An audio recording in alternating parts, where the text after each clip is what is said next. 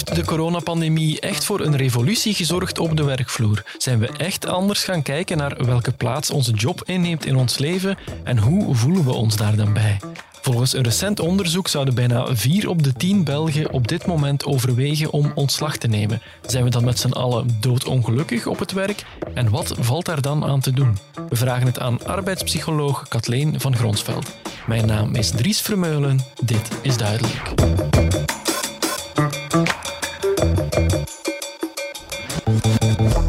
Duidelijk, de morgen. Ja, en bij ons aan tafel zit dus Kathleen van Gronsveld, professor aan de Antwerp Management School, gespecialiseerd in welzijn op het werk, in arbeidspsychologie. Welkom, professor. Oké. We gaan het in deze aflevering hebben over werk en meer bepaald over hoe dat werk veranderd is sinds corona. Tijdens de pandemie moesten we noodgedwongen anders gaan werken, bijvoorbeeld door veel meer te telewerken in veel jobs, maar ook nog wel heel wat andere dingen eh, die heel anders waren. Heeft dat ook een blijvende impact gehad op hoe we werken? Doen we dat nu anders, drie jaar na het begin van die pandemie? Ja, ik denk het wel. Dus we zijn zeker, we zijn noodgedwongen op een aantal vlakken op een andere manier moeten gaan werken. En dat heeft inderdaad wel zijn gevolgen gehad. Dus uh, een van de dingen, en uh, u gaf het juist al een beetje tussen de lijnen aan, inderdaad, we moesten plots thuis gaan werken. Mm -hmm. Voor degenen die dat konden. Een aantal mensen konden dat niet en daar had je dan social distancing uh, op de werkvloer. Maar een van de grote dingen die we toch gezien hebben, is dat zo de norm of de default van werkplek, dat is echt verschoven van zijnde het kantoor of de werkplek zelf, naar een combinatie en een gedeelde eerste plaats tussen kantoor en thuis. Ja. En dat zowel wat werkgevers als werknemers betreft, hebben we dat doorheen de pandemie, we hebben onderzoek gedaan in zeven verschillende bevragingen bij beide uh, groepen, dat dat stilletjes aan echt veranderd is. Waar in het begin het nog even uh, een crisissituatie en daarna wordt alles wel weer terug zoals gewoon was, mm -hmm. hebben we zo ongeveer na een jaar gezien, hm, dat thuiswerken, zo slecht is dat eigenlijk toch nog niet.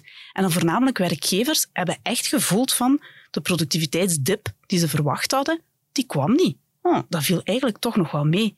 En dat is zo een van de dingen, dat zien we vandaag. Uh, meer dan drie vierde van de werkgevers stond vorig jaar rond deze tijd veel positiever ten opzichte van thuiswerken dan ervoor. En bij de werknemers ja, was dat natuurlijk ook uh, zeer uh, positief. Ja, want daar werd vroeger vaak met wat wantrouwen naar gekeken, naar dat thuiswerken. Mensen zouden dan ja, gewoon minder hard werken of, of hun tijd meer aan privé dingen gaan besteden.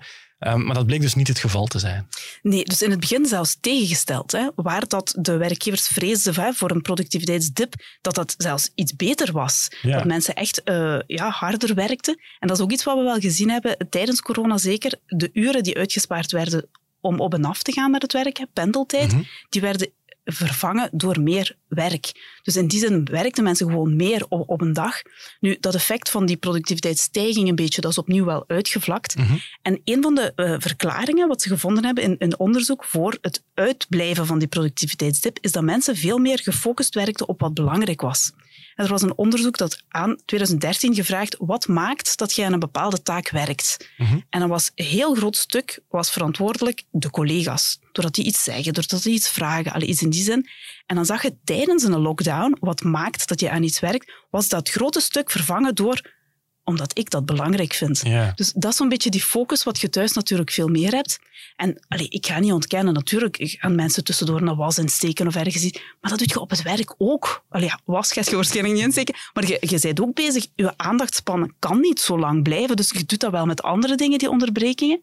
Op dat gebied is niet zoveel veranderd, zeg maar. Qua productiviteit zat dat eigenlijk zeker wel goed. Ja, dus we hebben de voordelen ontdekt van dat thuiswerken tijdens corona. Wil dat dan ook zeggen dat we nu met veel meer mensen veel meer thuiswerken ook?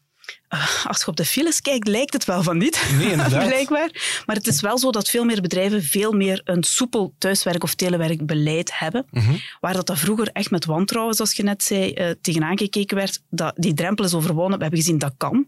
Maar, en dat is ook wel een belangrijke ook om te zeggen, wat we ook allemaal ervaren hebben, is dat het vele telewerken een negatief effect heeft op gevoelens van verbondenheid en connectie. Ja. En dat is ook iets wat we doorheen de hele pandemie en tot vorig jaar bevraagd hebben, in welke mate dat de basisbehoeften van de mensen ingevuld werden. Er zijn drie basisbehoeften die elke mens heeft. Niet alleen op werk, op alle gebieden. A, voor autonomie. B voor belongingness, verbondenheid. En de C voor competentiebenutting. Kunnen doen waar je goed in zit. Ja. En doorheen de hele pandemie waren die A en die C, dat was oké. Mensen, zelfs de autonomie steeg in het begin een beetje, de mhm. vele thuiswerkers. Maar de belongingness, die is zo ongeveer vanaf oktober 2020 zeer stijl gedaald. En die is altijd laag gebleven. En dan hebben we ook gezien dat, dat werknemers echt na de pandemie naar hun werkgever keken van herstel die verbondenheid. Wij voelen dat dat sociaal weefsel gelost is, zowel tussen collega's, maar ook als individu met de organisatie. Zo de verbondenheid naar uw werkgever toe. Hè. Mhm. Wat ben ik hier aan het doen? Uh, hoe draagt dat hierbij? En dat is natuurlijk een, groot, een van de, de grootste nadelen van het vele thuiswerken. Dat dat gevoel van verbondenheid zwakker wordt of zelfs wat kan eroderen. Mhm. en, en alles bij elkaar genomen, want u hebt met Antwerp Management School heel wat bevragingen gedaan, regelmatig, naar welzijn op het werk, tijdens corona, maar ook sindsdien nog steeds. En wat blijkt daar dan uit? Op dit moment voelen we ons nu door al die flexibiliteit beter op het werk dan voor corona, of net niet? Ah, wel, dat is eigenlijk heel, dat valt uiteen in drie grote groepen. Er, is, was echt zo bijna 33% 33, 33. Ene groep die zegt van hetzelfde, niet echt iets veranderd. Ene groep, zelfs iets meer dan een derde, die echt zegt beter. Er was een specifieke vraag. De pandemie heeft een positief effect, negatief effect gehad op mijn welzijn. En ik geloof iets van 37 procent zei positief. Ja? Dan denk je, amai, hoe kan dat? Nu, dat was natuurlijk de overgrote meerderheid die telewerkte, die mhm. een betere balans werk-privé en die pendeltijd. Hè. Dat blijft een hele belangrijke, dat die uitgespaard is. Nu, aan de andere kant zag je ook een groep, een kleine een derde, die zei het negatief effect. En daar zit je vooral ook heel veel jongeren. Mensen minder dan 30 jaar zijn er heel veel die die niet die connectie hebben kunnen opbouwen, die echt uh, lijden onder een gebrek aan verbondenheid. Nu, nu spreek ik van de laatste enquête, dat was 2022 uh, eh, juni. Maar daar ook weer zie je dat dat echt wel een probleem blijft. Dat heel wat jonge mensen die hebben ook het zwaarste te lijden gehad onder. We zien dat in allerlei onderzoeken dat de min 30-jarigen de zwaarste klappen gekregen hebben, wat mentaal welzijn betreft. En ook in, het, in de verbondenheidscijfers zien we dat zeker terugkomen. Ja.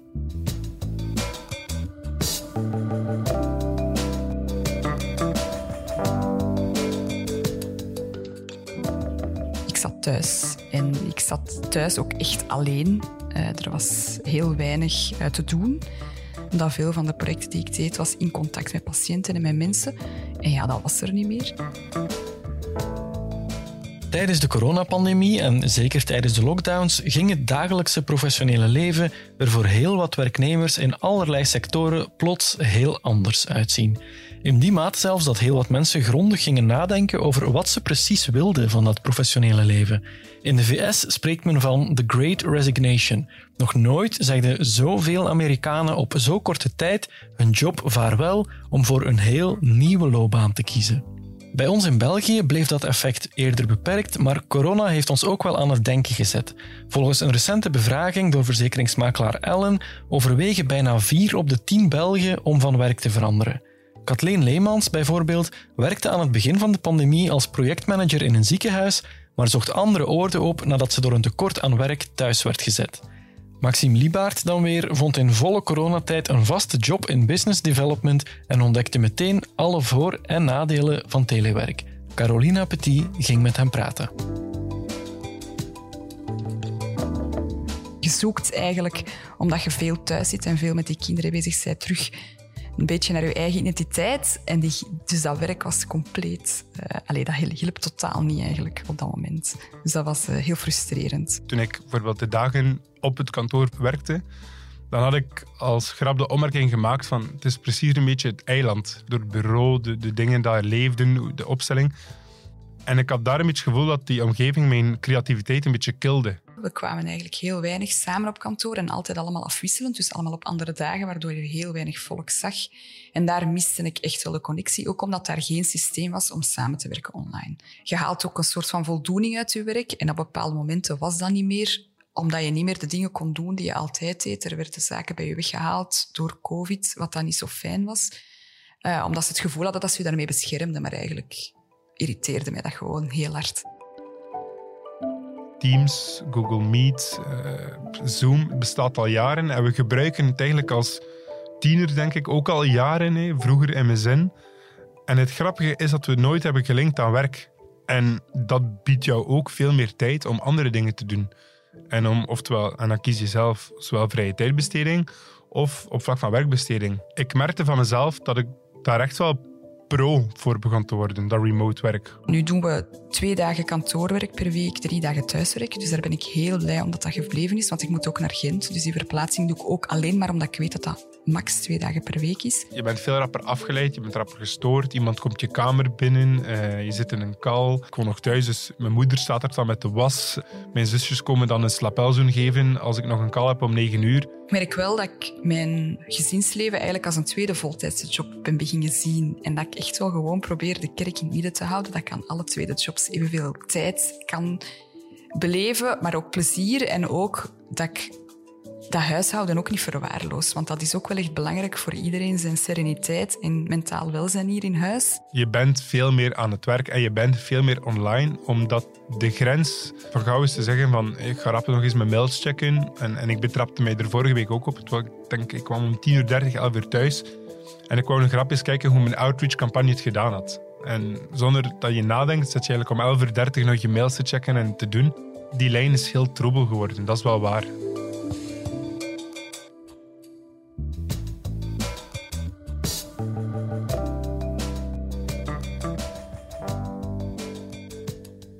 Professor Van Gronsveld, de lijn is troebel geworden. Door al dat thuiswerk komt het werk natuurlijk ook per definitie de huiskamer binnen. Ontsnappen we er nog moeilijk aan. Er wordt dan wel gesproken van trends als quiet quitting, dat mensen, vooral jongere mensen dan naar verluid, enkel nog hun uurtjes willen doen en voor de rest niks meer met het werk te maken zouden willen hebben.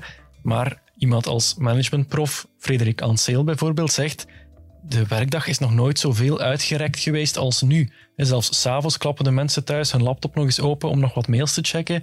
We werken eigenlijk de hele dag door. Waarschijnlijk ook weer verschillende groepen. Hè. Er zijn mensen die en er zijn mensen die en er zijn mensen die. Nu, ik denk wat uh, sowieso inderdaad waar is, we hebben gezien dat de pendeltijd vervangen wordt door werktijd, dat sowieso. En dan daarnaast, ja, voor mensen die normaal gezien die grenzen hadden, van bijvoorbeeld een uurtje op de trein zitten of een half uur fietsen of uh, wat dan ook, hè, de tussentijd, doordat die grens wegviel, vloeit het inderdaad snel in elkaar over. Mhm. En als je dan weet, oh ja, ik ben deze middag even naar de winkel geweest, dus ik zal maar, dan wordt dat één amalgaam. Nu, daar weten we ook uit ouder onderzoek dat er verschillende soorten mensen bestaan. Je hebt mensen, segmentors wordt dat genoemd, die hebben dat echt nodig dat er een duidelijke scheiding is tussen werk en privé om gelukkig te zijn, goed te functioneren. Voor hun was dat heel moeilijk tijdens de pandemie. Zoals ik juist al zei, van tussen de middag en dan s'avonds, dan, dan wordt dat always on. 24 op 7 aanstaan, nooit niet je hoofdcomputer uit kunnen zetten. Zo, dat is heel slecht voor de gezondheid van zo'n mensen. Nu, dat is een continuum, met aan de ene kant die segmentors. Dat klinkt wel raar, hè? maar segmentors in het Engels. Dat is iets uit Harry Potter. Ja, ik was er ook aan het denken, de dementors. dat is zoiets, inderdaad. En aan de andere kant van dat continuum heb je de integrators. Dat klinkt al iets beter. Dat zijn mensen die dat vroeger ook deden. Die vonden dat niet erg om s'avonds nog even de pc op te doen, maar die wisten ook van, ja, in de voormiddag ga ik even naar de yoga. En de... Dus als je eerder naar die kant neigde van het continuum, dan waart je daar al beter in, zeg maar. Dan kon je dat al beter bewaken. Voelt je van, nu is het goed geweest. Ik doe nu in mijn hoofd en in de werkelijke wereld de laptop toe. Maar los daarvan is het wel waar dat het voor ons algemeen, voor ons allemaal, moeilijker geworden is om het echt af te zetten. Ja, de grenzen tussen wat werk is en wat privé is, die zijn vager dan voor corona. Ja, maar misschien algemeen, wat je wel ziet wat er aan het gebeuren is, is dat er heel wat onderzoeken en boeken zelfs geschreven worden over de plaats van werk in ons leven. En daar lijkt wel een verschuiving op gang te komen. Ja. We zien al uit uh, ouder onderzoek dat de werkcentraliteit, hè, hoe centraal staat werk in uw leven, dat dat bij Generation X veel groter was dan bij Generation Y. Mhm. En we zien dat nu, Generation Z dan, hè, de mensen die van, vanaf 2000 geboren zijn, dat dat nog minder centraal staat, het werk. Er is nog geen grote metastudie over, maar de, de signalen lijken echt wel die richting uit te gaan. En als je dan zo kijkt, ja, ik heb onlangs de metafoor gehoord, stel dat uw uh, leven een tuin is en uw werk is de moestuin waarin dat je aan het werken bent als je alleen maar in je moestuin bezig bent en op een bepaald moment krijg je slakken of weet ik veel daar, ja, dan valt je hele identiteit, alles valt in het niet. Moeten we niet meer ook focussen op die andere stukken van onze tuin? De schommelstoel en de rozenstruik. En dat je een ander stuk hebt om op terug te vallen, zodat je met meer plezier in je moestuin kunt bezig zijn. Ja. En dat merk je dat, dat inderdaad wel wat onderzoekers die richting uit beginnen gaan. Want natuurlijk vanuit HR en als je onderzoek doet naar arbeidspsychologie, je kijkt altijd naar dat stukje moestuin, hè, de werkplek. Maar misschien ligt de oplossing net er, erbuiten. En er is zo dat boek van, uh, dat komt nu 23 mei uit, van The Good Enough Job. En dat gaat eigenlijk een beetje over dat quiet quitting op een positieve manier. Niet van zo weinig mogelijk doen om niet ontslagen te worden, maar wel van, kijk, dit is mijn job, afgeleid, boundaries er rond. Ik doe dat. Als ik kom naar het werk, doe, geef ik mij, maar dan daarna stopt dat ook. En dat hoeft niet per se een tijd om vijf uur of zo te zijn. Daar gaat het niet om, maar meer van, ik heb duidelijke afleiding en ik ben nog iemand anders naast mijn werk. Ik verwijs nog eens even naar die enquête van verzekeraar Ellen. Um, daaruit blijkt dat de psychische problemen op het werk, dat die behoorlijk aanwezig zijn. U zal me kunnen vertellen of dat meer of minder is dan vroeger, maar ik, ik noem een paar cijfers. 64% van de ondervraagde werknemers ervaart vermoeidheid op het werk, 60% stress, 59% frustratie, 54% een gebrek aan motivatie. Dat zijn geen positieve cijfers. Hè? Nee, inderdaad. Nee. Ik heb onlangs ergens gelezen dat de kost aan onze maatschappij voor langdurig zieken blijkbaar de kost van onze maatschappij voor werklozen al overstegen heeft. Ja. Dus dat had je nooit kunnen denken, twintig jaar geleden. Hè? Dus daar is, daar is echt wel iets aan de hand. En dat is ook een van de redenen waarom dat wij met ons onderzoeksproject nu van welzijn op het werk bezig zijn. Alles wat we tot nu toe aan het doen zijn, dat werkt niet. Want het blijft maar stijgen. Dus daar is zeker iets van aan. En wat ik daar denk, en wat terugkomen op je quiet quitting van daar juist ook, hè, is zo het... Wij zijn dat als mensen wij zijn, hebben niet leren omgaan met al die mogelijkheden en met dat constant aan te zijn. En hè, Elke Gerard in haar boek praat daar ook bijvoorbeeld over, hè, van always on, zo dat idee te hebben. En dat gaat ook met de smartphone. En, en wij hebben niet geleerd dat je dat kunt afzetten, dat je dat moet afzetten, zo, zo dat soort dingen. Waardoor dat het een overload wordt. Ik heb ergens gelezen dat een mens in het begin van de jaren 1900, 1910, 1920, in zijn hele leven evenveel informatie te verwerken kreeg als wat vandaag in de bijlage van een weekendkrant staat. dat ja, is ongelooflijk. Onze hersenen zijn niet veranderd. Hè? Dus dat is op zich eh, een overload van prikkels. Dus we hebben niet geleerd om daar op een goede manier mee om te gaan. En ik merk dat, dat is nu op persoonlijk vlak bij mijn kinderen, 14 en 16, ja, die zitten ook de hele dag op hun gsm. Mhm. dat, ik denk dat het belangrijk is voor scholen, voor werk, voor allemaal, dat we dat echt leren. Hoe kunnen we daar grenzen aan stellen? Boundary management, zeg maar, op het gebied van nu zet ik het af, nu denk ik er niet aan en nu focus ik terug op één ding. En dat kan zijn eten met mijn familie en om negen uur in de ochtend gaat dat zijn mijn werk, mijn taak. Maar s'avonds kan dat ook echt zijn uh, het boek dat ik aan het lezen ben. Dus je moet niet altijd al die dingen tegelijkertijd, ja, al die tabbladen in je hoofd tegelijkertijd open hebben staan. En dat is denk ik iets wat we als maatschappij waarschijnlijk een stuk moeten leren, want dat wordt ook wel wat verwacht. Maar ook als individu, dat het helemaal oké is om niet te antwoorden s'avonds om negen uur op een mail. Dus dat, dat is echt zo'n... Uh, ja, als we in een overgangsperiode zitten, dat is absoluut iets wat daarin moet geleerd gaan worden.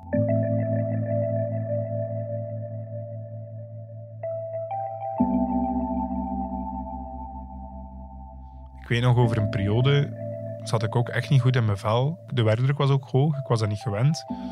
Ik wou veel te veel doen. En dan heeft Koen letterlijk gezegd, Maxime, kom, even alles aan de kant. En we gaan een potje biljarten. En dan ga je automatisch rapper praten. En, en, en dan, stel, ja, dan, dan praat je gewoon over problemen. En dan kijken we, wat kunnen we doen. In het ziekenhuis uh, is er van alles gedaan. Bijvoorbeeld, we hebben daar dan zo een, een, een apero-pakket gekregen en dan moesten we online een aperitief doen. En dan was dat toch zo de poging om toch mensen nog wat samen te brengen. En dat is een heel fijn initiatief, maar dat brengt niet zoveel winst op. Hè. Of ik had toch niet echt het gevoel dat dat nu het, hetgeen was wat dat er moest gebeuren. Er is beweging, maar nog onvoldoende, denk ik, om daar echt een groot verschil in te maken.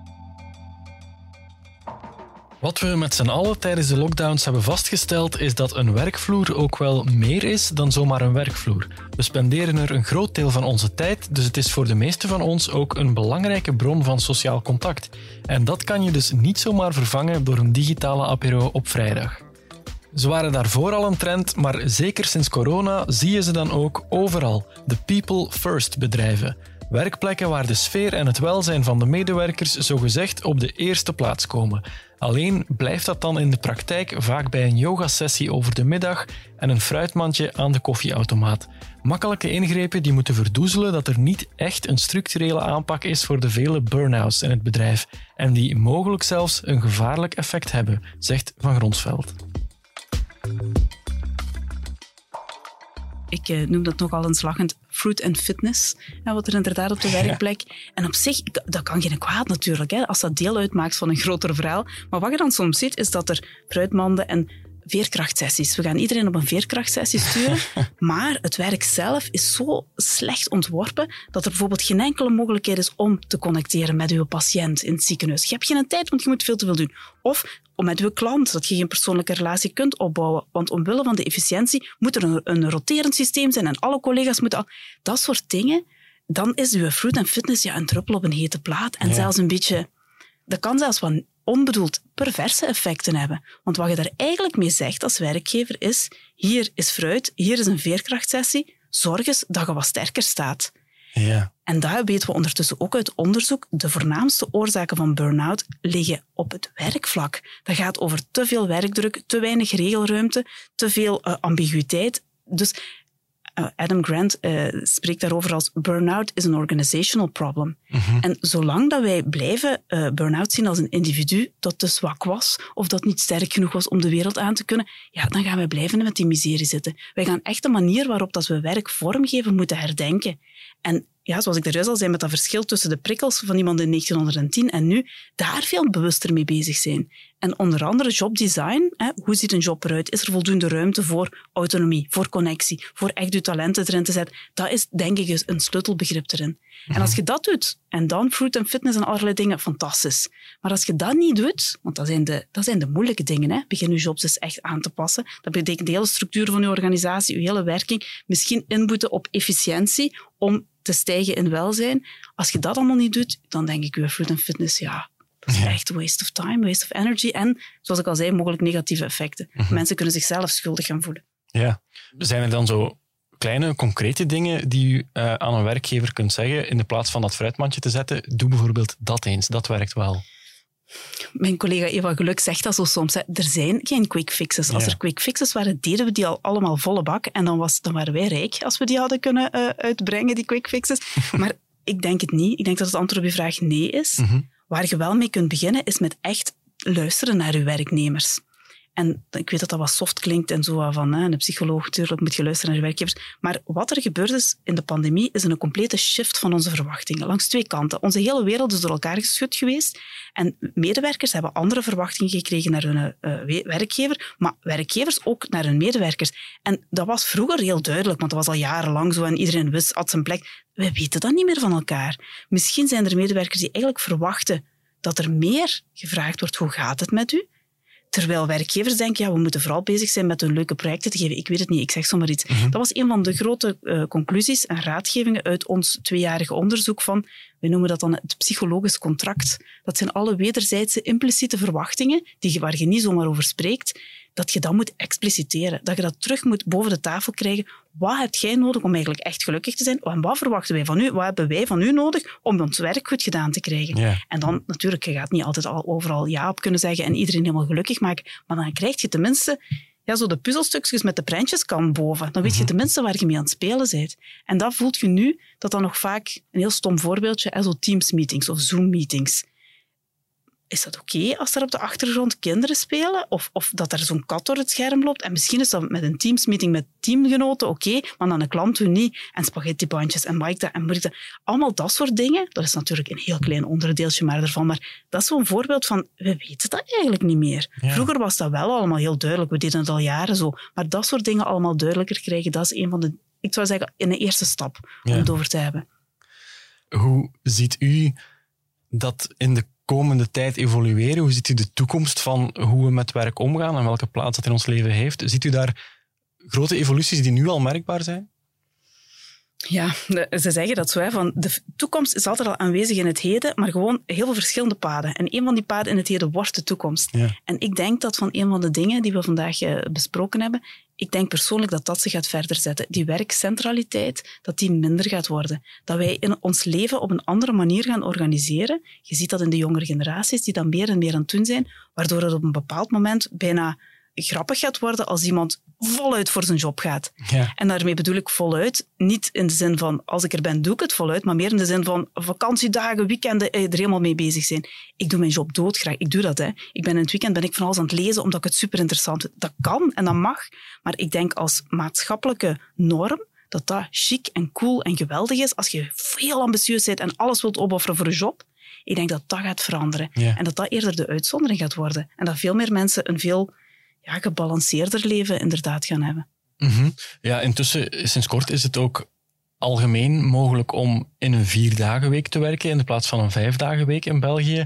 Um, acht u het realistisch dat we binnen afzienbare tijd allemaal structureel minder gaan werken, minder uren gaan werken, minder dagen gaan werken, terwijl toch ja, het, het leven net ook weer duurder wordt momenteel voor veel mensen en ja, mensen eigenlijk net weer meer moeten werken, meer moeten verdienen om nog rond te komen. Ja, en een aantal uh, inzichten hebben mij daarbij geholpen, hoewel ik toegeef dat ik het ook moeilijk vind om het dan concreet naar vandaag te vertalen. Maar ik heb zo die econoom van 1930, John Maynard Keynes, die zei toen de manier waarop wij nu aan het evolueren zijn met automation, met automatisatie en een aantal hè, efficiëntieverhogende dingen, ja, tegen dat we in de jaren 2000 zijn, gaan we met 15 uur per week werken zeker genoeg hebben om deze levensstandaard te houden. Dat is een van de dingen. En aan de andere kant, vroeger werkten mensen zes dagen per week. Hè. En dan op een bepaald moment heeft, ik denk Henry Ford dat het was, dat teruggebracht naar vijf, omdat ze dan op week gezien veel effectiever en efficiënter waren. En ik denk dat dat zich ook aan het aandienen is nu. Dat als wij vier dagen gaan werken, dat wij ook na een overgangsperiode natuurlijk, maar dat wij efficiënter gaan worden. Omdat we die balans in ons leven beter vinden.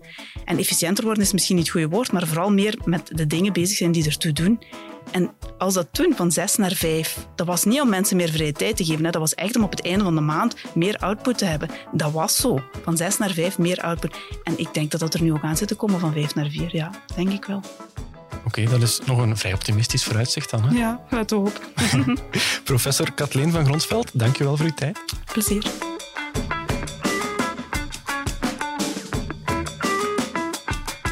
Ik bedank ook alle getuigen die hun verhaal wilden delen in deze aflevering. En u, beste luisteraar, bedank ik natuurlijk ook weer om erbij te zijn. Volgende week slaan we een weekje over, want dan is donderdag een feestdag. Maar de week erna zijn we terug met een nieuwe aflevering. Heel graag tot dan. Dit was duidelijk.